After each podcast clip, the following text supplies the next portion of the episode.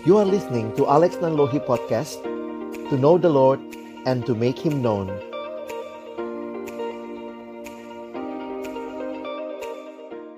Mari sebelum kita membaca merenungkan firman Tuhan kita berdoa. Bapa di dalam surga kami datang dalam ucapan syukur sore hari ini Terima kasih ya Tuhan, rangkaian dari acara kami sudah boleh berlangsung dan hari ini bersama-sama dalam ibadah ini kami ingin belajar akan kebenaran firman-Mu. Firman-Mu adalah firman yang hidup dan yang menghidupkan kami. Firman-Mu firman yang kudus dan yang menguduskan hidup kami. Firman-Mu adalah firman yang tidak berubah, tapi firman yang kami percaya sanggup mengubah kehidupan kami. Itulah yang kami rindukan menjadi bagian dari setiap kami yang sore hari ini sekali lagi membuka hati kami di hadapan-Mu. Tuhan, kami mohon, tolonglah kami semua agar kami bukan hanya menjadi pendengar-pendengar firman yang setia, tapi mampukan dengan kuasa dari pertolongan rohmu yang kudus, kami dimampukan menjadi pelaku-pelaku firman-Mu di dalam kehidupan kami, di dalam masa muda kami. Bersabdalah ya Tuhan, kami anak-anakmu sedia mendengarnya. Dalam satu nama yang kudus, nama yang berkuasa, nama Tuhan kami Yesus Kristus. Kami menyerahkan pemberitaan firman-Mu. Amin. Shalom teman-teman. Kita bersyukur kesempatan yang indah ini Tuhan berikan untuk sama-sama kita boleh bersyukur kepada Tuhan dan juga tentunya kita rindu boleh mendalami tema yang menjadi tema makrab yaitu be a true disciple of Christ ya. Nah, teman-teman yang dikasihi dalam Tuhan Yesus Kristus, menjadi murid itu adalah satu hal yang luar biasa bagi kita. Karena kalau kita melihat apa yang sudah Tuhan Yesus lakukan bagi kita, itu adalah hal yang sungguh luar biasa. Semua agama berbicara keselamatan, tetapi keselamatan yang dibicarakan adalah apa yang harus dilakukan oleh pengikutnya supaya boleh selamat. Tetapi kekristenan berbicara berbeda sekali bukan apa yang harus kita lakukan supaya selamat, tetapi kekristenan berbicara bahwa apa yang Allah telah lakukan di dalam karya anaknya Yesus Kristus untuk menyelamatkan kita. Kita boleh diselamatkan melalui karya Kristus di kayu salib dan kita yang percaya kepadanya, kita disebut sebagai anak-anak Allah. Itulah indahnya menjadi murid Kristus orang yang boleh mengalami karya anugerah Allah yang luar biasa. Nah, karena itu kalau kita perhatikan tema sore hari ini menjadi penting bagi identitas kita tentunya karena setiap teman-teman dan saya yang sudah percaya sungguh-sungguh sama Kristus meyakini bahwa dia sudah menebus dosa-dosa kita, kitalah murid-muridnya. Sebuah kalimat yang saya kutip di sini Jesus doesn't simply call us to believe that He existed or even to believe that He can save us. Tapi ada lagi more than that. He calls on us to commit our whole lives to Him, to trust Him alone for our salvation, and then to follow Him as His disciples. Jadi teman-teman perhatikan, kita bukan hanya dipanggil untuk diselamatkan, mengalami karya yang luar biasa, tapi Tuhan juga panggil kita menjadi muridnya. Nah, sore hari ini saya ingin kita belajar tentang apa sih artinya menjadi murid Kristus. Dan dua perikop yang kita akan renungkan sore hari ini, Abang membuatnya dengan judul supaya mudah diingat ya. Nah, saya menuliskan di dalam Yohanes 15 ayat 1 sampai 8 saya menyimpulkan adalah Yesus dalam hidupku. Ya, nanti kita akan berbicara di Galatia pasal 5 ayat 16 sampai 26 hidupku di dalam Yesus ya. Jadi ini dua hal yang sebenarnya adalah satu kesatuan yang utuh di dalam Kristus. Kalau kalian memperhatikan dengan jelas bahwa sebenarnya ketika kita boleh menerima Yesus dalam hidup kita, kita mengalami kesatuan dengan Kristus. Ya, memang ini bukan kesatuan yang dimengerti secara secara kuantitas, secara materi, ya. Karena ada yang bilang, "Oh, kalau Yesus dalam saya berarti lebih besar saya dong, Yesusnya kecil." Atau kalau saya dalam Yesus berarti Yesusnya besar, sayanya kecil. Nah, itu cara berpikir secara materi. Tetapi secara rohani, dipersatukan dengan Kristus ini bicara kesatuan rohani. Kesatuan yang tidak berbicara mana yang lebih besar, tetapi bicara tentang kelekatan, kedekatan yang kita alami karena Kristus ada di hidup kita dan hidup kita ada di dalam Kristus. Mungkin gambarannya bisa seperti ini kali teman-teman ya. Coba misalnya ada kapas. Nah, kalian bayangkan ada kapas, lalu kamu ambil kapas itu, kamu taruh, celupkan di dalam air. Nah, kalau sudah demikian apa nih? Itu kapas dalam air atau air dalam kapas ya. Nah, itu gambaran yang menunjukkan kesatuan yang menyeluruh antara kapas dengan air dan itu juga gambaran kesatuan kita dengan Kristus ya. Nah, Yesus dalam hidupku ini akan kita lihat sama-sama di dalam Injil Yohanes. Injil Yohanes pasalnya yang ke-15 ayat yang pertama sampai dengan ayat yang ke-8 ya. Yohanes pasal yang ke-15 ayat yang pertama sampai dengan ayat yang ke-8. Nah, teman-teman kita bisa lihat sama-sama saya sudah tuliskan ayatnya di screen ya. Jadi nanti teman-teman bisa melihat sama-sama ya. Oke. Saya akan ajak kita baca bersama-sama tapi uh, karena seperti ini jadi um, Abang akan coba bacakan buat teman-teman sekalian ya. Kalian ikuti, silakan boleh baca dengan bersuara juga di tempatmu masing-masing tapi mic-nya tetap di mute. Akulah pokok anggur yang benar dan Bapakulah pengusahanya. Setiap ranting padaku yang tidak berbuah dipotongnya, dan setiap ranting yang berbuah dibersihkannya supaya ia lebih banyak berbuah. Kamu memang sudah bersih karena firman yang telah kukatakan kepadamu, tinggallah di dalam aku dan aku di dalam kamu. Sama seperti ranting tidak dapat berbuah dari dirinya sendiri kalau ia tidak tinggal pada pokok anggur. Demikian juga kamu tidak berbuah jikalau kamu tidak tinggal di dalam aku. Selanjutnya, akulah pokok anggur dan kamulah ranting-rantingnya. Barang siapa tinggal di dalam aku dan aku di dalam dia, ia berbuah banyak. Sebab di luar aku kamu tidak dapat berbuat apa-apa. Barang siapa tidak tinggal di dalam aku, ia dibuang keluar seperti ranting dan menjadi kering. Kemudian dikumpulkan orang dan dicampakkan ke dalam api, lalu dibakar.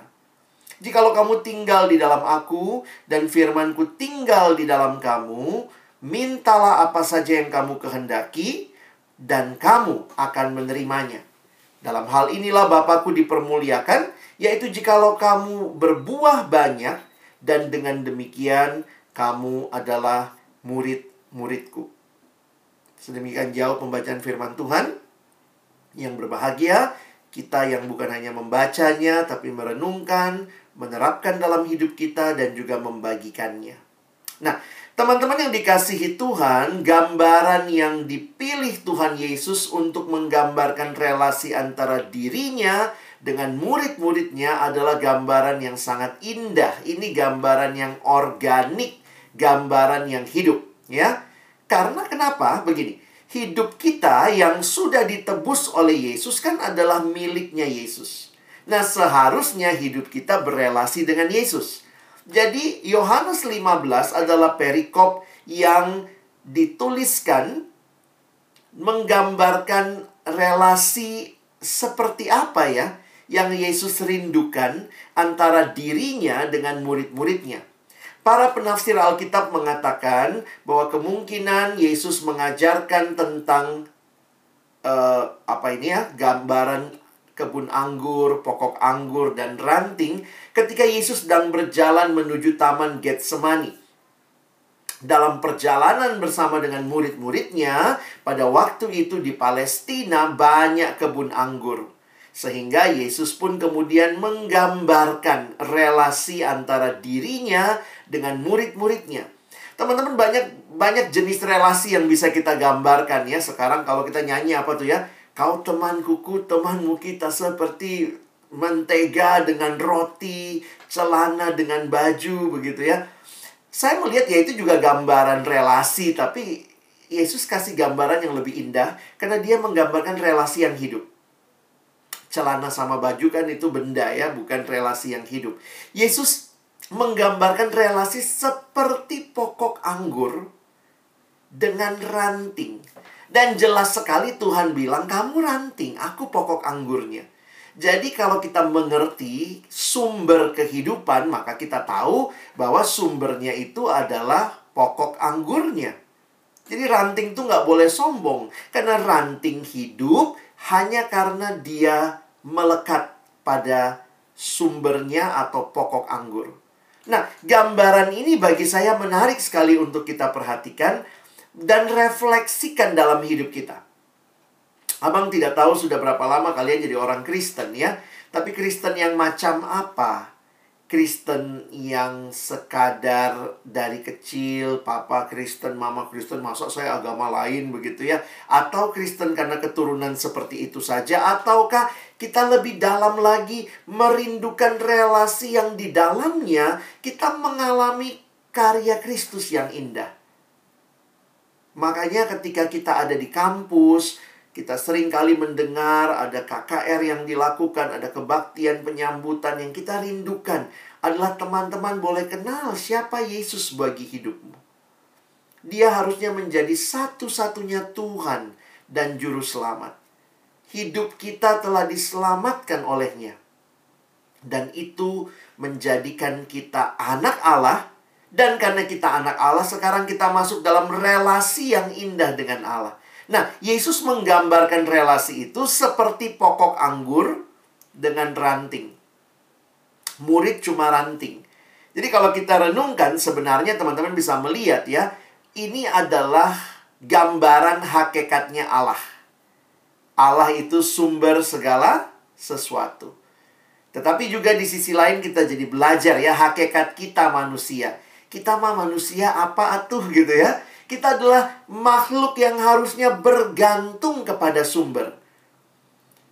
Kita bisa bangga, teman-teman, apalagi ya, dapat kesempatan kuliah di kampus yang baik, boleh dapat ikatan kerja, dan seterusnya. Kalian bisa bangga karena punya banyak hal yang tidak dimiliki oleh teman-temanmu yang lain. Kalian punya kesempatan, tapi ingatlah, itu bukan segala-galanya, karena harusnya dalam hidup kita Tuhanlah yang menjadi segala-galanya dan kita manusia harusnya bergantung kepada Dia. Jadi melalui perumpamaan ini atau gambaran yang Yesus berikan ini, kita jadi belajar hakikat Allah, kita jadi belajar hakikat manusia, dan yang menarik adalah kita pun jadi belajar hakikat firman Tuhan dan doa. Nah, dari mana kita bisa lihat ini? Teman-teman bisa lihat ayat 7 tadi ya hakikat dari firman Tuhan dan doa, bagaimana supaya sumber yang adalah kekuatan itu ya dari Allah mengalir dalam hidup kita. Kita butuh yang namanya alat kasih karunia. Itulah yang dituliskan di ayat 7. Jikalau kamu tinggal di dalam aku dan firmanku tinggal di dalam kamu. Nah, jadi lihat ya yang pertama ya. Bagaimana mengalami relasi ini? Ya tinggal dalam aku, kata Yesus, dan tinggal dalam firmanku. Lalu bukan hanya itu. Kalimat selanjutnya, mintalah apa saja. Nah kalau sudah bicara minta artinya do, doa. Jadi makanya dari kecil kita mungkin kalau rajin sekolah minggu udah diajarin ya bagaimana bertumbuh adik-adik. Baca kitab suci, doa tiap hari kalau mau, kalau mau tumbuh. Jadi sebenarnya kalau kita mengalami relasi yang hidup dengan Tuhan, tanyakan lagi nih.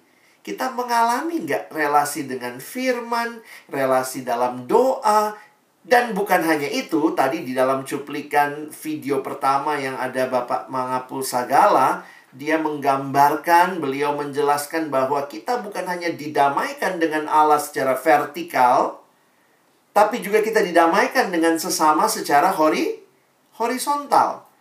Karena itu ada satu gambaran yang menarik yang disebut sebagai ilustrasi roda yang dibuat oleh seorang bernama Dawson Trotman. Bapak Dawson Trotman menggambarkan hidup orang Kristen yang taat seperti sebuah roda. Nah, teman-teman lihat ya, roda itu yang muter apanya? Porosnya, ya. Jadi tengahnya porosnya tuh yang muter. Nah, dia berkata bahwa di pusat hidup harus ada Kristus. Nah, tanya lagi, sudahkah kita terima Yesus dalam hidup kita? Dan kalau kita sudah terima Yesus dalam hidup kita, maka ada relasi dengan Dia. Relasinya seperti apa? Dua hal.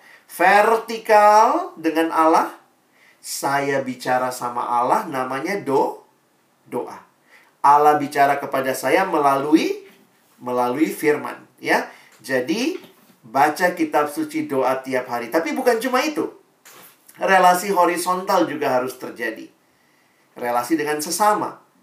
Bapak Dosen Trotman menggambarkan dua relasi. Pertama, dengan sesama orang percaya kita ke dalam harus rajin berse bersekutu. Tetapi dengan mereka yang belum kenal Yesus kita keluar dan bersaksi. Jadi sebenarnya inilah gambaran kehidupan yang utuh. Ya, di pusat hidup ada Kristus dan ketika Kristus ada di pusat hidup itu, menggerakkan kita untuk berelasi dengan Allah dan berelasi dengan sesama. Ini adalah relasi yang hidup dengan Allah.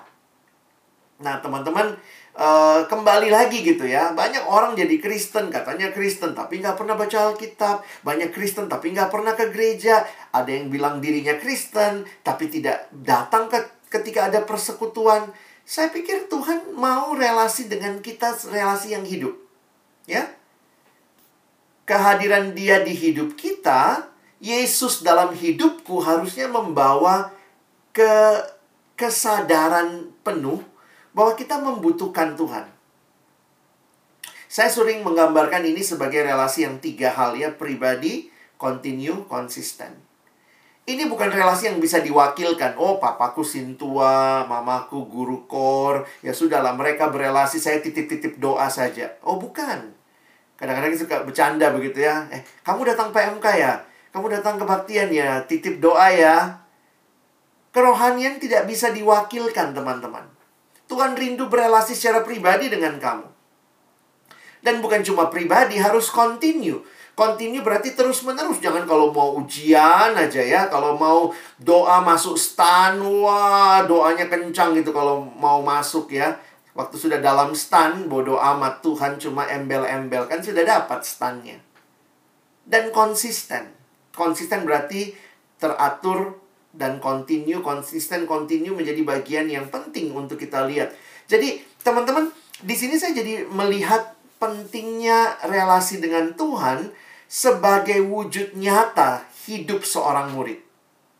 Jadi kan kita lagi belajar tentang murid nih. Bagaimana menjadi be a true disciple? Pertama, pastikan relasimu, kamu sudah terima Yesus tapi tidak berhenti sampai di situ, itu terwujud nyata dengan punya relasi yang pribadi, continue dan konsisten. Tidak heran Yesus mengatakan kalimat ini ya. Ini kalimat kunci sebenarnya dalam Yohanes 15 ini. Akulah pokok anggur dan kamulah ranting-rantingnya. Barang siapa tinggal di dalam aku dan aku di dalam dia, ia berbuah banyak. Sebab di luar aku, kamu tidak dapat berbuat apa-apa. Teman-teman ingat ayat ini. Baik kalian yang masih akan melanjutkan kuliah, teman-teman D1 yang sudah akan mengabdi, di luar aku, kata Yesus, kamu tidak dapat berbuat apa-apa. Ini bukan embel-embel. Kerohanian buat kita bukan pilihan tetapi kebutuhan. Karena di luar Tuhan kita tidak bisa berbuat apa-apa. Saya sering kali cerita satu pengalaman ketika seorang adik pagi hari di kantor kami, dia seorang perempuan, dia ngekos ya, dan di kosan biasa dia pelihara ikan mas di akuarium. Biasa anak kosan, perempuan biar nggak kesepian kali ya, dia pelihara beberapa ekor ikan mas di akuarium kecil yang dia taruh di kamar kosnya. Satu pagi datang ke kantor dan dia bilang sama saya, Kak Alex, Kak Alex, tuh tadi malam kak, ikan mas saya bunuh diri. Wah, saya bilang, lo kok bunuh diri ya? Kami jadi mencoba membahasnya dan cerita secara singkat. Dia menemukan dua ekor ikan masnya sudah mati besoknya di atas karpet. Keluar dari dalam akuarium. Pertanyaan buat kita begini, kebebasan sejati ikan itu di mana teman-teman?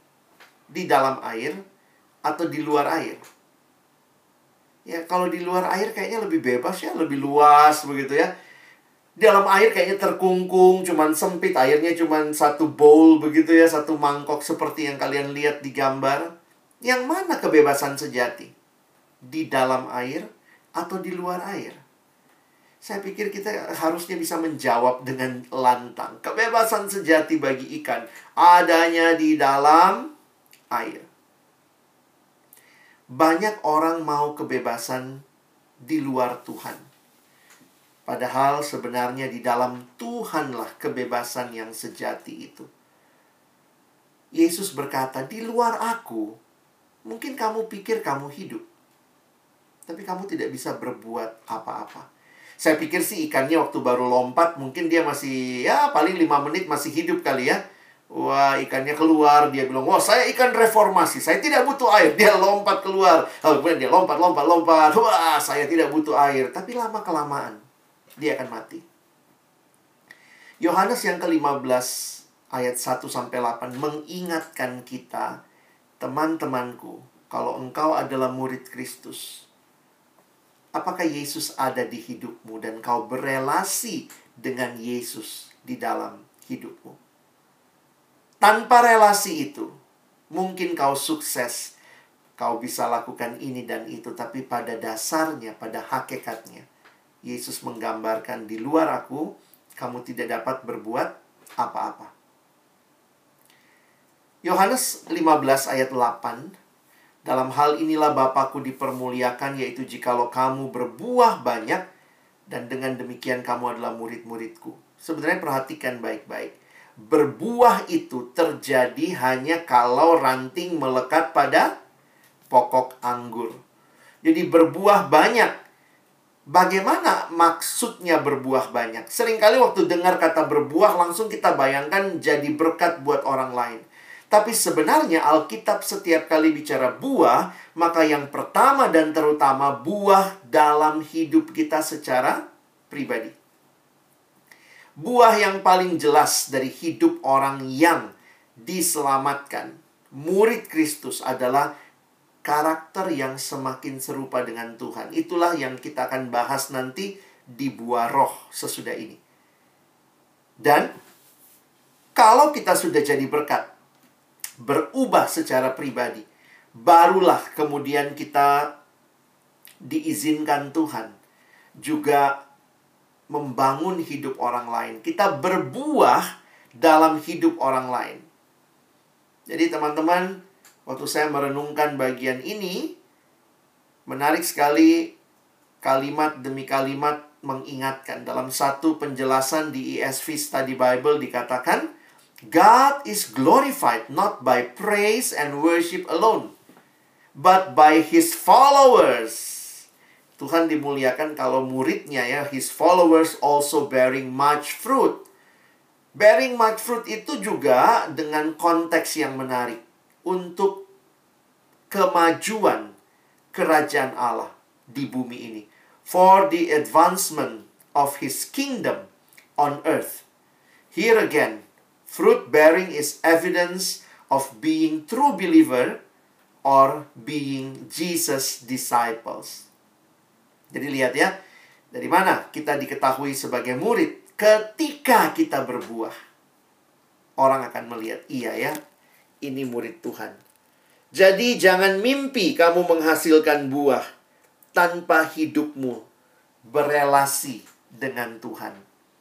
Hanya dengan tinggal pada pokok anggurlah kamu dapat berbuah banyak. Tapi menariknya, buah itu bukanlah semata-mata usaha kita, tapi dari Allah. Karena dialah pokok anggur, dialah sumber segala sesuatu. Oke? Okay? Bagian pertama sudah kita bahas. Siapa Yesus yang hadir dalam hidupmu? Yesus dalam hidupku, dia Tuhanku, dia juru selamatku. Murid adalah orang yang tahu siapa Yesus dalam hidupnya dan terus berelasi dengan Yesus. Tapi di sisi yang lain, murid juga berbuah. Saya menggambarkan berbuah itu adalah sekarang bagaimana hidupku di dalam Yesus. Nah, ini yang akan sama-sama kita lihat dalam Galatia pasal yang kelima ayat 16 sampai 26. Teman-teman lihat, ada dua macam kehidupan yang Paulus gambarkan secara jelas di Galatia pasal 5 ini. Pertama yang dia sebut dengan hidup di dalam daging dan yang kedua hidup di dalam roh. Oke? Mari kita lihat ayat-ayatnya. Maksudku ialah hiduplah oleh roh, maka kamu tidak akan menuruti keinginan daging Sebab keinginan daging berlawanan dengan keinginan roh, dan keinginan roh berlawanan dengan keinginan daging, karena keduanya bertentangan. Sehingga kamu setiap kali tidak melakukan apa yang kamu kehendaki. Akan tetapi, jikalau kamu memberi dirimu dipimpin oleh roh, maka kamu tidak hidup di bawah hukum Taurat. Perbuatan daging telah nyata, yaitu percabulan, kecemaran, hawa nafsu, penyembahan berhala, sihir, perseturuan, perselisihan, iri hati, amarah, kepentingan diri sendiri, percideraan, roh pemecah, kedengkian, kemabukan, pesta pora, dan sebagainya. Terhadap semuanya itu kuperingatkan kamu. Seperti yang telah kubuat dahulu, bahwa barang siapa melakukan hal-hal yang demikian, ia tidak akan mendapat bagian dalam kerajaan Allah. Nah, lihat ya gambaran yang dikasih. Lalu ayat berikutnya perhatikan kata pertamanya apa itu? Tetapi. Jadi tadi ada satu jenis kehidupan di dalam daging. Sekarang dikatakan tetapi. Tetapi buah roh ialah kasih, sukacita, damai sejahtera, kesabaran, kemurahan, kebaikan, kesetiaan, kelemah lembutan, penguasaan diri. Tidak ada hukum yang menentang hal-hal itu. Barang siapa menjadi milik Kristus Yesus, ia telah menyalipkan daging dengan segala hawa nafsu dan keinginannya. Jikalau kita hidup oleh roh, baiklah hidup kita juga dipimpin oleh roh. Dan janganlah kita gila hormat, janganlah kita saling menantang dan saling mendengki. Teman-teman, kalau bagian pertama tadi Yesus di hidup kita membuat kita berelasi begitu rupa dengan Dia, maka bagian yang kedua karena kita milik Yesus, maka sekarang ada bagian yang harus kita kerjakan. Tuhan tidak selamatkan kita untuk sekadar duduk diam santai tenang, tidak. Lihat kalimat yang Paulus gambarkan Berkali-kali dalam suratnya, Paulus menggambarkan perbedaan yang sangat jelas. Dulu dan sekarang. Dan pembatasnya adalah Yesus. Kehadiran Yesus di hidup kita membuat kita sadar ada yang namanya masa lalu. Dan ada masa sekarang. Jadi siapa yang ada di dalam Kristus, kata Paulus, ia adalah ciptaan baru. Yang lama sudah berlalu, sesungguhnya yang baru sudah datang. Itu yang tadi dikontraskan di ayat 17 ya. Yang satu keinginan daging, yang satu keinginan roh. Memang menariknya begini teman-teman ya. Setelah kita terima Yesus, kita percaya pada dia, masih bisa berdosa nggak? Oh masih bisa. Iya benar. Kita masih bisa jatuh dalam dosa. Tetapi sekarang kita punya pilihan. Kalau dulu kita jatuhnya terjun bebas karena memang kita budaknya dosa, sekarang kita punya pilihan untuk berkata tidak kepada dosa. Karena itu Paulus menggambarkan keinginan daging berlawanan dengan keinginan roh. Nah, inilah yang kemudian harusnya menjadi bagian hidup yang baru. Bukan lagi di dalam daging, tetapi di dalam roh. Karena itu Paulus mengatakan tadi ya, ini ayat kuncinya, ayat 22 dan 23. Tetapi buah roh ialah, nah, pada hafal nggak nih ya? Nanti bikin games pakai ayat apa ini ya. Coba hafal semua buah roh ini. Sebenarnya kalau ditanya, perhatikan ya. Ini berapa buah? Sembilan. Oh, salah ya. Ini bukan sembilan buah. Ini satu buah. Sembilan rasa. Wah, kalah nano-nano. Ya.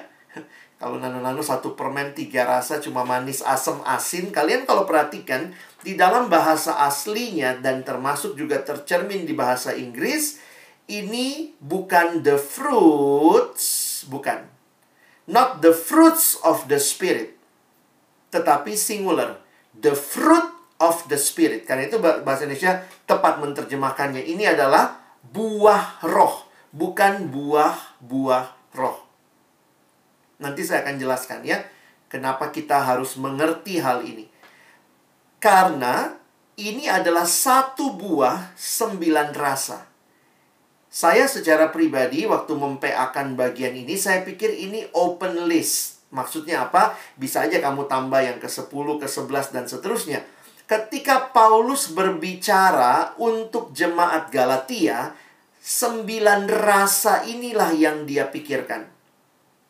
Nanti kalau kalian baca surat yang lain, kalian pun akan menemukan nampaknya ada juga tambahan-tambahan terhadap list ini. Karena paling tidak kalau kita melihat ya, misalnya kalau teman-teman bicara ada buah apa lagi, ada yang lain lagi misalnya ya, rasanya kalau kita lihat kasih itu sabar, kasih itu murah hati, tidak cemburu, tidak sombong. Berarti kalau kita mau coba kasih aja itu banyak aspeknya, ya. Nah, Menariknya adalah kenapa kita harus memperhatikan buah roh ini. Perhatikan baik-baik, ini bukan buahmu, bukan buahku. Tetapi ini adalah buah dari hadirnya Roh Kudus di hidup kita. Nah, saya coba sedikit menolong teman-teman mengerti tentang buah roh ini ya. Pertama tadi ini singular. Lalu yang kedua, perhatikan baik-baik. Ini berbicara bukan buah kita.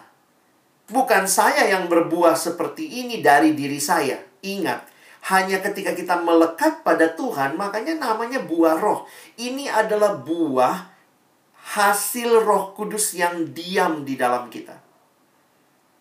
Hasil roh kudus yang tinggal di dalam kita.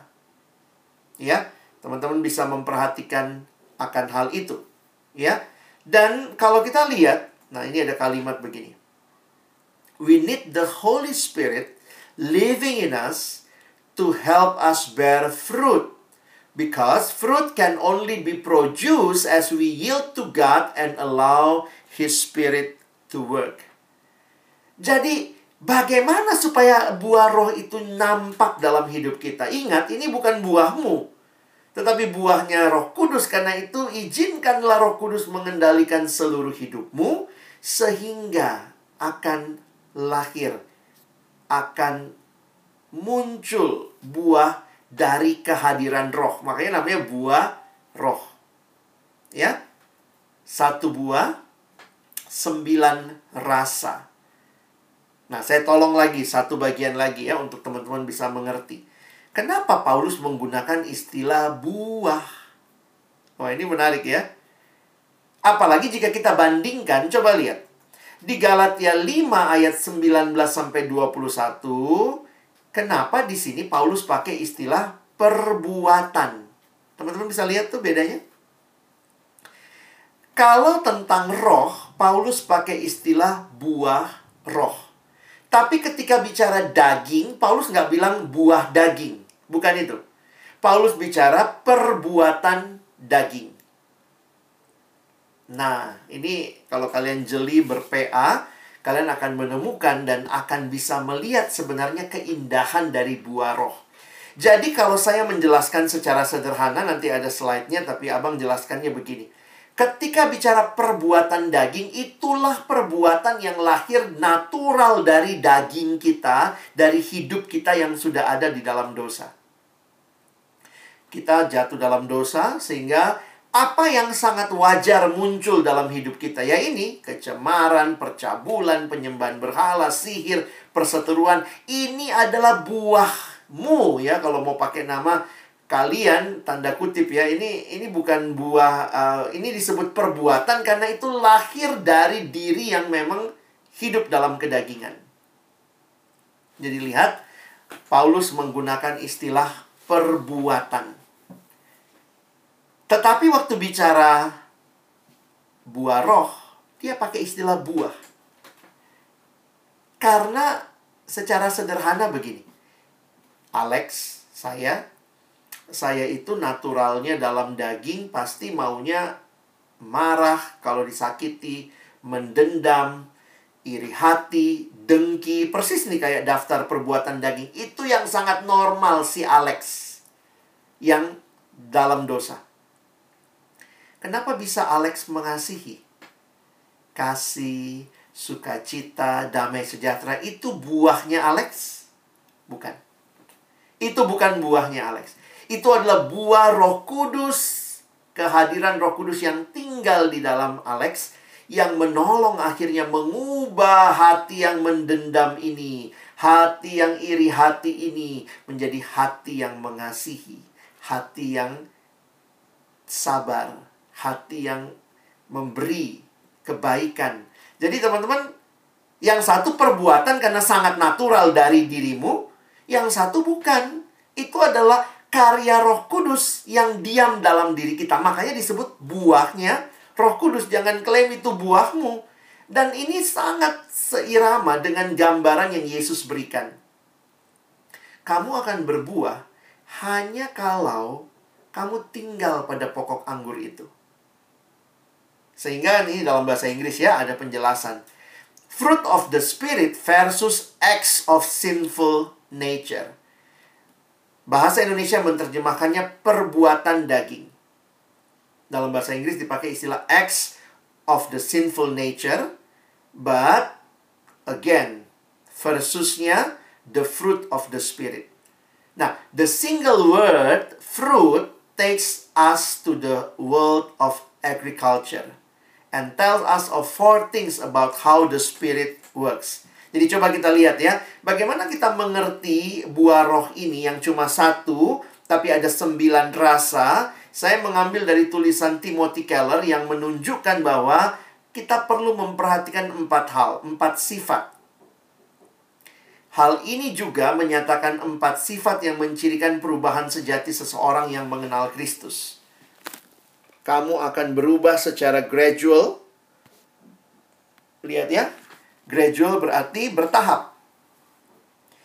Lalu pasti terjadi, tidak terelakkan, inevitable. Karena kalau roh kudus ini kan buahnya roh ya. Jadi akan bekerja dalam diri kita. Dan itu munculnya dari dalam keluar, bukan dari luar ke dalam. Dan simetris, symmetrical.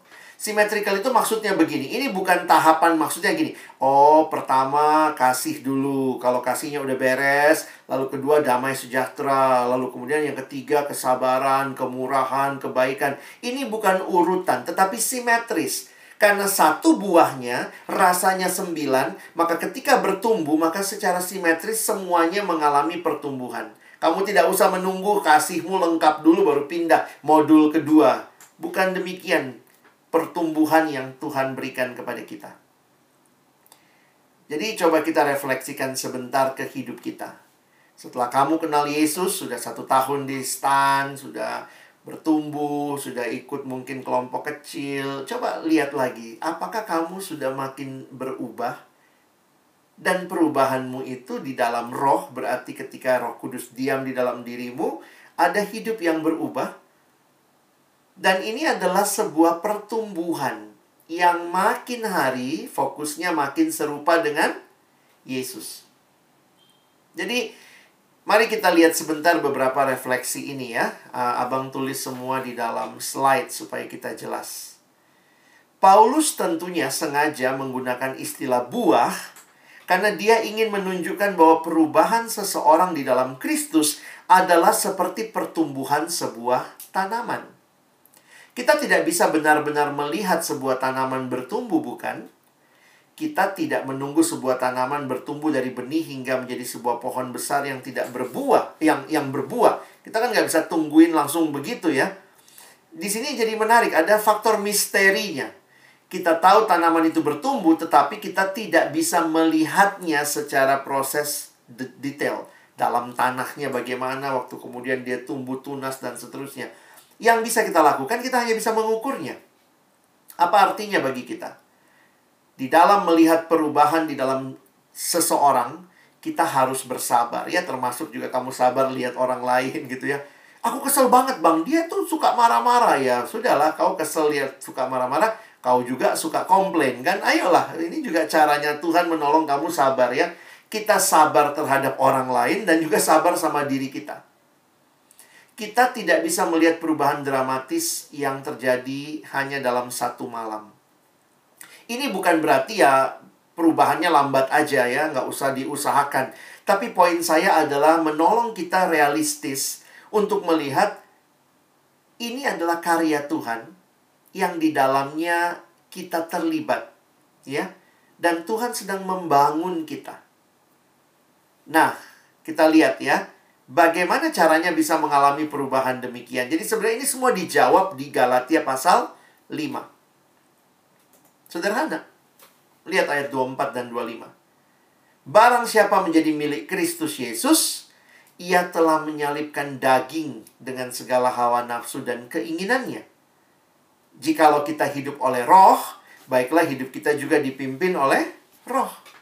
Jadi waktu Paulus menuliskan ayat 25 ini, ini yang harus jadi concern kita.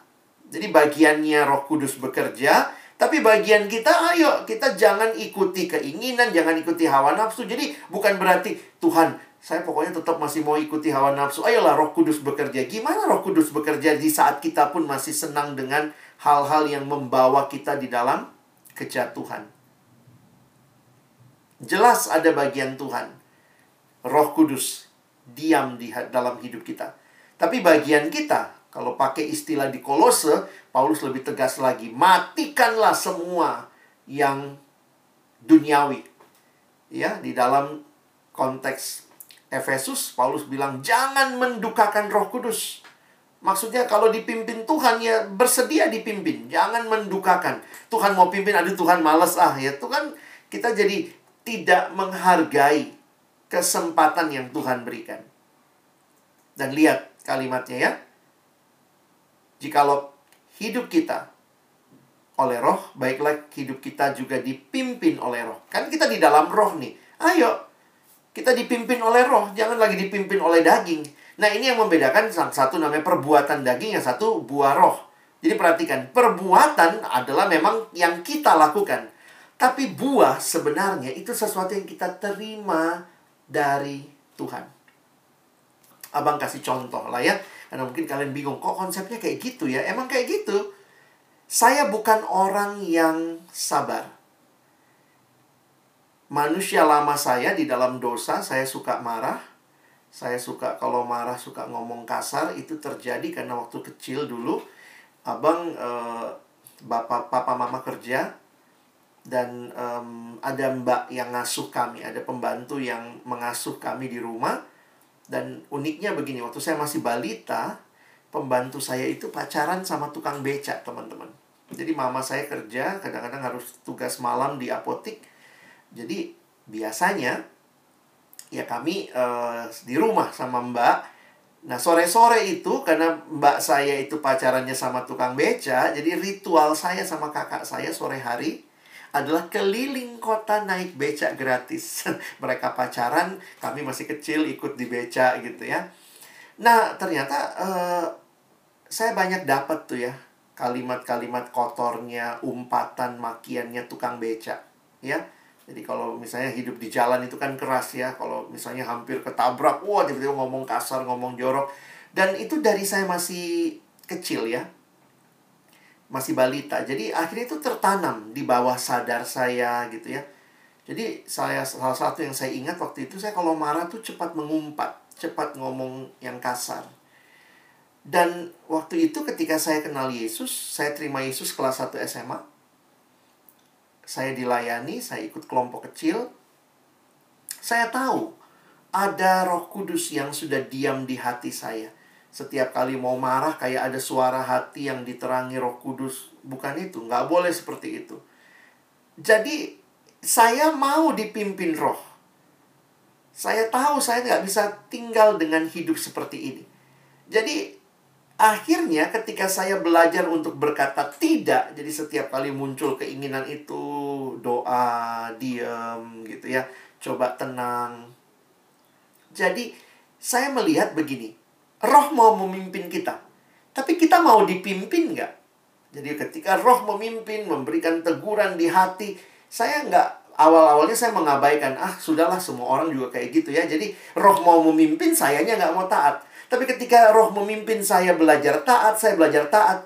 Teman-teman, lama-lama kok saya jadi sabar ya? Nangkap maksud saya? Itu sabar dari mana? Dari usaha saya. Enggak sih, itu saya yakin banget itu pimpinan roh, pekerjaan roh dalam diri saya. Saya bukan Alex yang sabar. Dalam daging saya Alex yang pemarah. Tetapi ketika saya belajar mematikan keinginan daging, maka Roh Kudus mengerjakan satu karakter baru yang tidak pernah ada dalam hidup saya sebelumnya, yaitu kesabaran. Dan itu serupa dengan siapa? Serupa sama Yesus, karena kita ternyata Roh Kudus itu diberikan untuk memimpin kita makin mirip Yesus, teman-teman ya. Jadi, coba lihat ya kalimat ini. Marilah sama-sama datang kita meminta hidup yang dipimpin oleh roh, karena roh menginginkan Yesus. Kita harus menyembah Kristus dengan pertolongan dari roh kudus, mengagungkan dia sampai hati kita menemukan dia lebih indah daripada hal lain yang paling kita inginkan. Dan pada waktu kita melakukan hal tersebut ya, kita mematikan keinginan daging. Membersihkan ruang hati kita. Kalau tadi dalam kalimatnya Tuhan Yesus, rantingnya itu dibersihkan. Supaya apa? Supaya lebih banyak berbuah. Membersihkan ruang hati kita untuk buah roh itu bertumbuh. Dan kita akhirnya mengalami bagaimana buah roh itu mengubah kita. Kok saya makin mirip Yesus ya? Kok saya makin mirip Yesus ya? Jadi teman-teman kalau lihat perubahan hidup gitu ya, waktu saya lihat ke belakang, saya jadi sadar betul ya. Itu pekerjaan Allah bagian saya adalah taat. Bagian saya adalah beri diri dipimpin. Jadi berapa kali kalau saya mau marah itu kan pengennya marah gitu ya, ikutin film-film. Wah, marah, maki-maki begitu. Tapi setiap kali marah kok yang keinget ayat Alkitab. Kasihilah musuhmu, berdoalah untuk mereka yang menganiaya kamu. Tadinya saya suka mikir, Tuhan kok lemah banget sih jadi orang Kristen.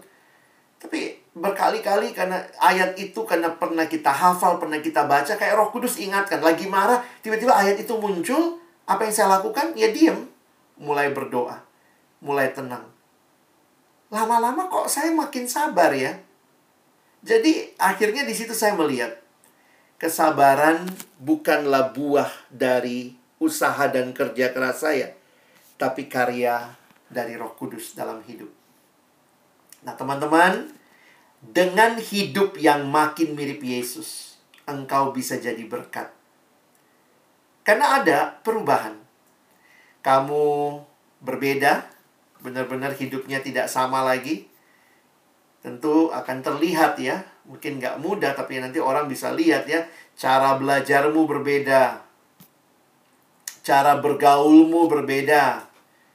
Kalau sudah pacaran, cara pacaranmu pun berbeda. Karena kamu tidak pacaran dalam nafsu, hawa nafsu, tapi dalam kekudusan.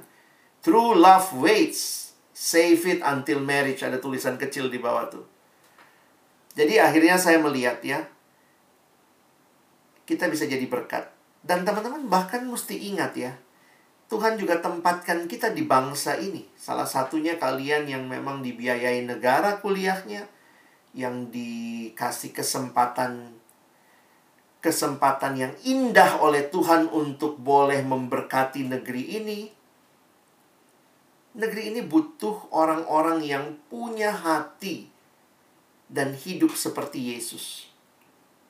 Yang meratapi dosa, tapi giving the best untuk segala hal yang bagi Allah dan bagi sesama. Ingat baik-baik, murid itulah yang sedang kita bangun.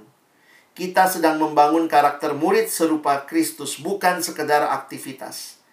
Saya harap di kampus bukan cuma sekedar aktivitas kebaktian, acara ini, acara makrab, acara apa. Kadang-kadang kita banyak banget acaranya. Tapi apa sih yang mau dibangun dari acara-acara itu? Adalah sebuah kehidupan yang semakin serupa dengan Kristus. Dan apa yang terjadi ketika hidup seperti itu? Saya senang dengan ayat 15, pasal 15 Yohanes ayat 8. Bapa dipermuliakan. Ketika kamu berbuah banyak, orang tahu itu murid Kristus. Dan ketika orang lihat hidupmu, siapa yang dimuliakan? Kalau kau jadi teladan misalnya dalam pekerjaanmu, siapa yang dimuliakan? Harusnya Tuhan yang dimuliakan. Karena engkau bisa berkata, saya tidak seperti itu. Saya dalam dosa mah bukan seperti ini. Kalau saya bisa begini, ini semata-mata karena karya roh kudus dalam diri saya. Sehingga kalau ini karya roh kudus, siapa yang dimuliakan? Ya Bapak ranting tidak bisa memuliakan diri. Wah, saya adalah ranting yang hebat yang menghasilkan buah. Ranting yang tahu diri akan berkata, "Kalau saya bisa menghasilkan buah, ini semata-mata karena sang pokok anggur yang memberikan itu bagi saya." Teman-teman yang dikasihi Tuhan, siapakah murid? Itu tema kita hari ini ya. Be a disciple of Christ, murid yang sadar Yesus dalam hidupnya, tapi juga murid yang hidupnya menyaksikan Yesus yang sudah hidup dalam dirinya. Jadilah murid yang sejati memuliakan Allah karena semua perubahan hidupmu, semua teladan yang kau hasilkan, semua jeri lelah yang kau persembahkan, itu hanyalah membuktikan ada satu pribadi sang pokok anggur yang bekerja memberkati hidupmu. Amin.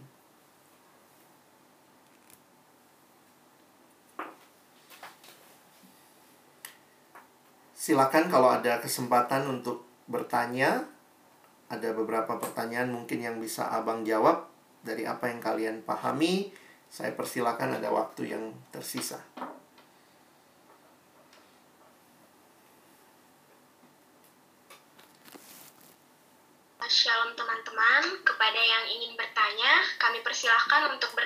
Di kolom komentar atau bisa dengan menyalakan mic.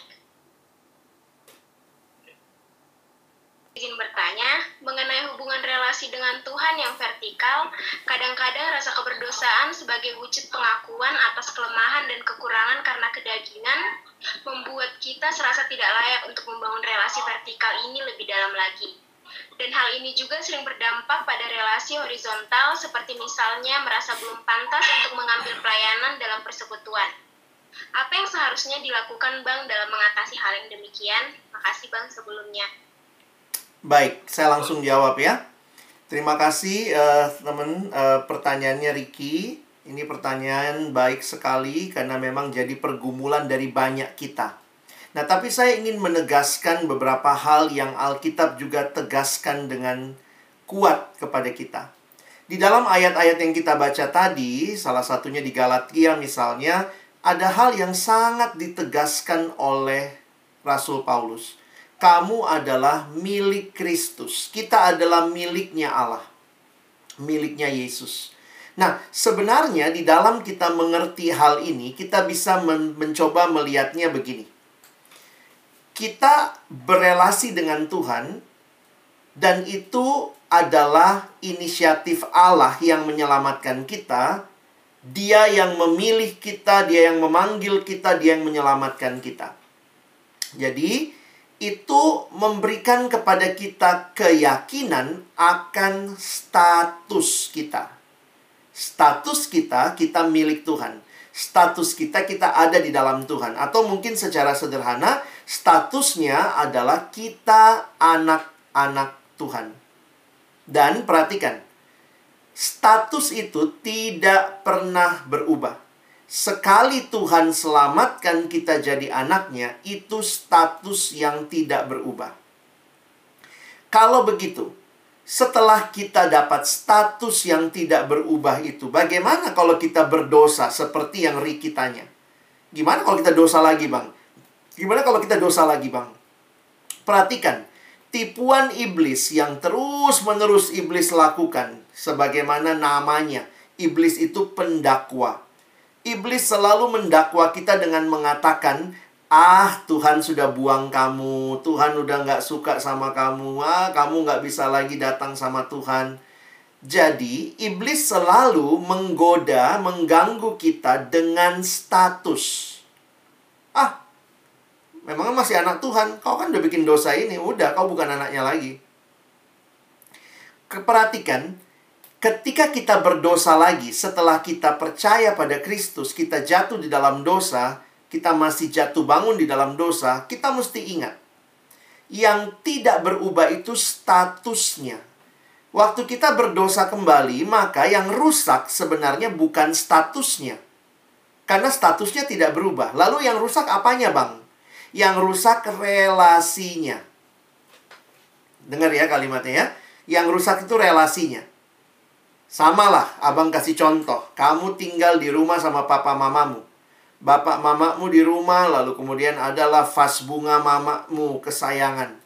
Kau karena nggak bisa keluar rumah, masih di rumah saja, ah main bola lah dalam rumah. Wah, main-main bola begitu perang, ketendanglah kena vas bunga mama yang sangat mama sayang. Saya mau tanya, ketika pecah vas bunga itu, kau berhenti jadi anak, statusmu rusak? Aduh, karena vas bunga ini pecah, nggak lagi kau anakku. Nggak bisa, itu status kan kamu anak tuh dari sekarang sampai selama-lamanya. Itu nggak bisa diubah. Yang rusak apanya? Bukan statusnya, tapi relasinya. Mau ketemu mama, takut nggak? takut, aduh gimana ini? Aduh, vas bunganya udah pecah ini. Jadi, menurut saya, kita harus menghayati ketika kita jatuh lagi dalam dosa, yang rusak bukan statusnya, status tetap. Yang rusak adalah relasinya. Karena itu, yang dibereskan adalah relasinya. Bagaimana memperbaiki relasi? Di dalam sejarah gereja, kita tahu bahwa di dalam liturgi kita ada yang namanya pengakuan dosa. Kenapa kita datang ke gereja mesti ngaku dosa ya? Bagi saya itu membuktikan bahwa waktu kita sudah percaya pada Yesus pun kita masih mungkin jatuh dalam dosa. Karena kita jatuh dalam dosa, maka perbaiki relasinya. Karena kita jangan malu datang sama Tuhan. Tapi kita datang dengan penyesalan, dengan keberanian percaya bahwa di dalam Dia ada pengampunan. Jadi, kalian lihat apa yang gereja lakukan? Ya, gereja memberi ruang untuk pengampunan atau pengakuan dosa. Jadi, upaya memperbaiki relasi yang aku habis ngaku apa? Ya punya komitmen jangan ulangi lagi. Ya dan kemudian di dalamnya kita menerima ketenangan dalam Tuhan. Nah, jadi saya harus katakan juga beberapa orang yang tidak membereskan relasi dengan Tuhan akan sulit sekali untuk juga berelasi termasuk seperti yang kamu bilang dengan sesama. Jadi hari ini saya ingin tegaskan bahwa statusmu tetap anak Allah. Yang rusak itu relasi. Karena relasi yang rusak, perbaiki relasinya. Ya, datang dengan pengakuan yang tulus, datang dengan komitmen, kerinduan melakukan yang benar, dan beri dirimu dipimpin oleh Tuhan. Dan kemudian nikmatilah relasi. Bang, gimana kalau jatuh lagi? Ya, balik lagi. Jangan perbaiki lagi relasinya. Makanya lucu, bukan lucu ya Lihatlah di gereja tuh kita tiap minggu loh ngaku dosa. Begitu datang ngaku dosa, datang ngaku dosa. Bagi saya itu bukti bahwa selalu ada jalan untuk berbaik kembali dengan Allah. Iblis selalu bilangnya apa? Ah, dibuang kau. Udah nggak mungkin kau anak Tuhan. Udahlah, Tuhan udah buang kamu. Itu semua dari iblis. Kalau kamu anak Allah, kamu aman. Statusmu kamu di dalam Kristus. Jadi perhatikan ya. Oke, okay, thank you. Makasih Bang Alex. Mm-hmm. Ini ada pertanyaan yang kedua Bang. Ya. Dari yeah. kelompok Yohanes atas nama Togi. Shalom Bang, izin bertanya bagaimana ya Bang solusinya kalau kita itu udah ngerasa kayak di dalam hidup ini nggak ada roh kudus yang bekerja. Jadi kita ragu sama Tuhan. Itu gimana ya Bang? Terima kasih Bang. Oke, thank you Togi. Dek, ini balik lagi masalahnya sama ya. Bahwa banyak kali kita lebih percaya perasaan daripada firman. Firman Tuhan mengatakan barang siapa yang ada dalam Kristus, dia adalah ciptaan baru. Di 1 Korintus 12 ayat 3 mengatakan orang yang mengaku Yesus adalah Tuhan itu pasti karena karya Roh Kudus dalam dirinya. Jadi secara teologis, secara doktrinal, perhatikan baik-baik bahwa siapa yang sudah terima Yesus sudah pasti terima Roh Kudus. Roh Kudus itu bukan keluar masuk. Ya. Saya menghayati Roh Kudus sama Allah Tritunggal. Nggak mungkin kamu terima Yesus ketinggalan Roh Kudus di luar. Gak begitu ya. Jadi ini, oh saya udah terima Yesus bang, roh kudusnya aja yang belum. Lalu nanti masuk roh kudus, ayo masuk. Gak bisa. Terima Yesus sama dengan terima roh kudus. Karena itu kamu pasti sudah ada roh kudus. Pertanyaannya adalah, kamu memberi dirimu dipimpin atau tidak? Nah itu masalah kita. Jadi jangan merasa tidak ada roh kudus. Ada, tapi sekarang kamu memberi dirimu dipimpin gak mengikuti apa yang roh kudus mau. Nah inilah yang namanya penyerahan diri setiap hari, baca renungkan firman. Karena kan roh kudus memberikan firman Tuhan. Roh kudus mewahyukan firman. Bagaimana tahu roh kudus mau apa? Baca firmannya. Makanya kalimat yang muncul dalam tulisan Paulus, jangan dukakan roh kudus. Tapi beri dirimu dipimpin oleh roh. Paulus menggunakan istilah biarlah kamu dipenuhi oleh roh. Jadi, uh, jangan jangan merasa karena kita tidak hidup dipimpin perasaan. Kalau bicara perasaan, waktu kita berdosa, kita rasanya nggak mau datang sama Tuhan. Lalu banyak akhirnya, ada nggak usah datang sama Tuhan. Nggak, jangan dipimpin oleh perasaan, dipimpin oleh firman. Setiap kali berdosa, 1 Yohanes 1 ayat 9, Jikalau kita mengaku dosa kita, maka ia adalah setia dan adil. Pegang ayat-ayat yang penting seperti itu ya. Thank you. kasih Bang. Mungkin ini dua pertanyaan lagi ya Bang. Ya. Mungkin bisa dibaca sekalian deh ya. Nanti saya coba uh, jawab sekalian.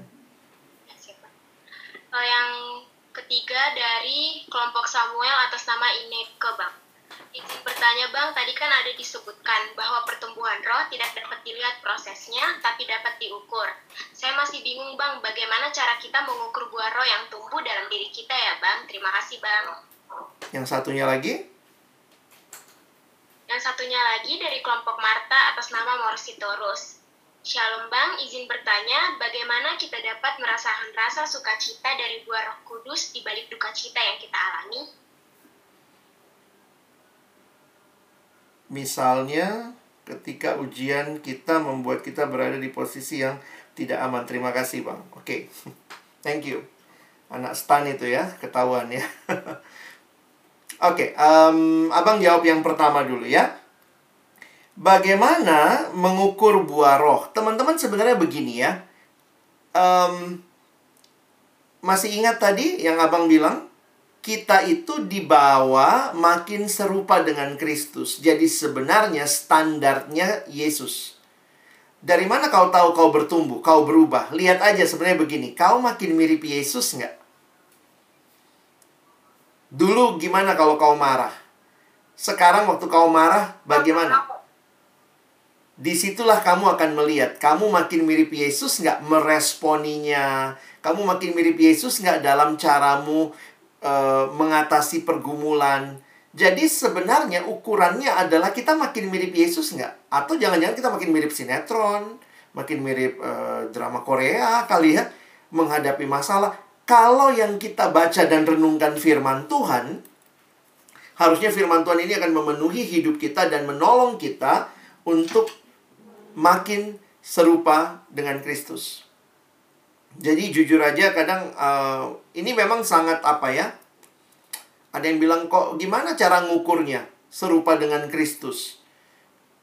Karena ada orang yang mengukur pertumbuhan dari uh, berapa kali dia kelompok kecil, sampai mana bahannya, bagi saya itu bisa dipakai tapi bukan ukuran satu-satunya. Karena ada orang sudah selesaikan 10, 15 bahan kelompok kecil, tetap aja nggak berubah hidupnya.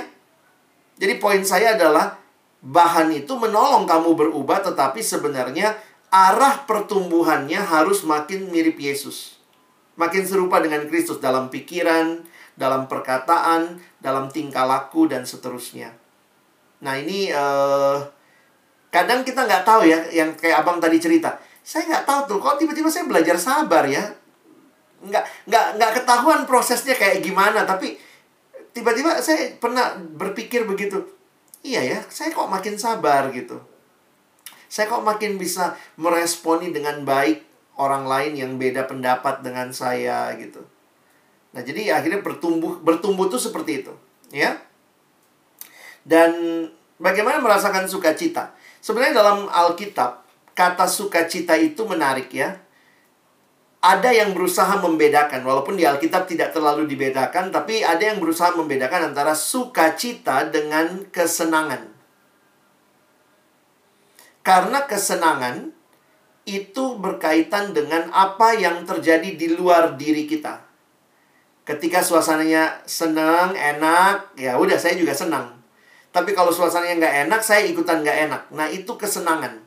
Kesenangan tergantung lingkungan sekitar kita.